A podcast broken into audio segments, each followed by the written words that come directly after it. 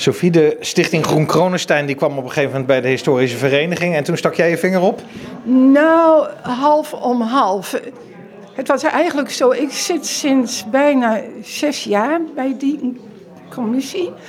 En uh, mijn, mijn eigen achtergrond is die van historisch geograaf. En ik heb veel met het cultuurhistorisch landschap te maken gehad. Daar heb ik ook onderzoek in gedaan, ook voor gemeenten. Mhm. En ik heb een aantal jaren in een erfgoed commissie van een gemeente gezeten. Dus je was de aangewezen persoon? Ja, exact. Het ging dus om onbeschermd erfgoed. Dus het ging naar ons toe. En bij ons was ik dan dus de, dus de specialist op dit vlak. Dus het is helemaal op mijn vlak, zeg maar. En, en dacht je toen meteen van, nou, ze hebben wel een punt. Dit is best een beschermenswaardig gebied? Uh, ja, dat wil, wil zeggen, ons huis is daar, is daar ook niet zo ver vandaan. En ik had daar al het een en ander rondgelopen en eventueel ook uh, gefietst. Ik had ook over de geschiedenis al gelezen. Mhm.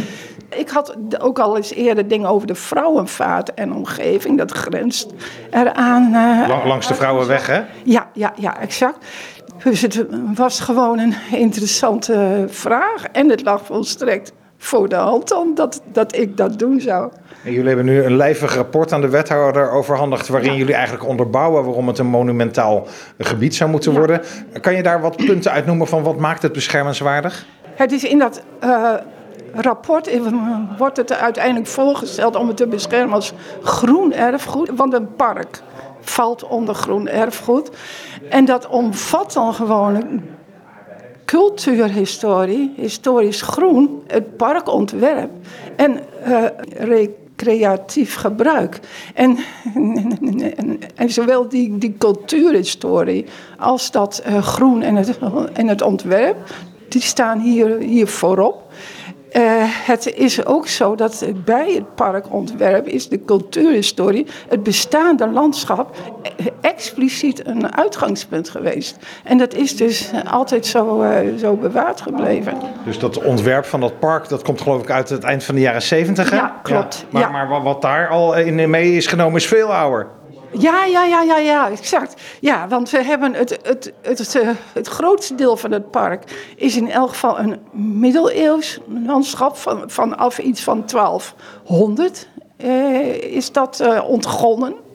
En is, is daar ook een, uh, een versterkt huis geweest, wat uiteindelijk het uh, kasteel Kronenstein is, is geworden. En waarvan het kasteelterrein ook bewaard is gebleven. En de hoeven, een paar oude hoeven die daar staan, die hoorden daar, uh, daar ook bij. Zoals de Stockholmhoeven en zo. Ja, ja, ja, exact.